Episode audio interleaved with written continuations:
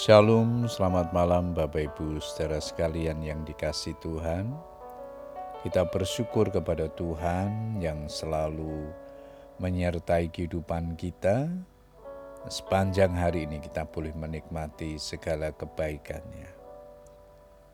Malam ini kita diberikan kesempatan untuk kembali datang kepada Tuhan, untuk menaikkan syukur dan doa-doa kita namun sebelum berdoa saya akan membagikan firman Tuhan yang malam ini diberikan tema yang pertama dan terbaik. Ayat mas kita di dalam ulangan 26 ayat yang kedua. Haruslah engkau membawa hasil pertama dari bumi yang telah kau kumpulkan dari tanahmu yang diberikan kepadamu oleh Tuhan Allahmu, dan haruslah engkau menaruhnya dalam bakul kemudian pergi ke tempat yang akan dipilih Tuhan Allahmu untuk membuat namanya diam di sana. Pada zaman Perjanjian Lama, berdasarkan kondisi alamnya, mata pencarian sebagian besar umat Israel adalah bercocok tanam atau bertani Pertanian menjadi sektor utama atau andalan yang memberikan kontribusi terbesar bagi perekonomian suatu bangsa. Dalam hal pertanian atau bercocok tanam, hasil panen yang pertama pada umumnya adalah hasil yang terbaik. Itulah yang harus diserahkan terlebih dahulu kepada Tuhan. Yang pertama atau yang terbaik inilah yang disebut dalam Alkitab dengan istilah yang sulung. Firman Tuhan mendorong setiap orang percaya untuk memberikan persembahan yang terbaik kepada Tuhan.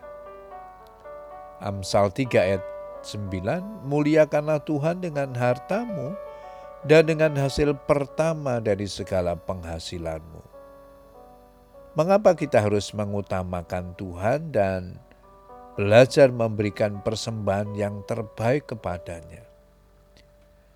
Karena Tuhan adalah sumber berkat, karena Tuhan adalah pemilik segala sesuatu. Dengan memberikan persembahan yang pertama dan terbaik, berarti kita menyadari Tuhan adalah pemilik segala sesuatu sedangkan status kita hanyalah sebagai pengelola, yaitu mengelola berkat yang Tuhan percayakan kepada kita.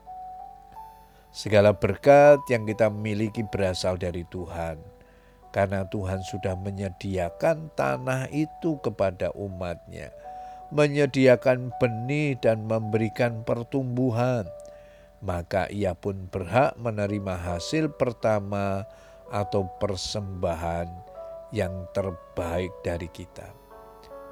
Persembahan sulung ini mengajarkan kepada kita untuk mengutamakan Tuhan, memprioritaskan Tuhan, dan memberikan yang terbaik kepadanya.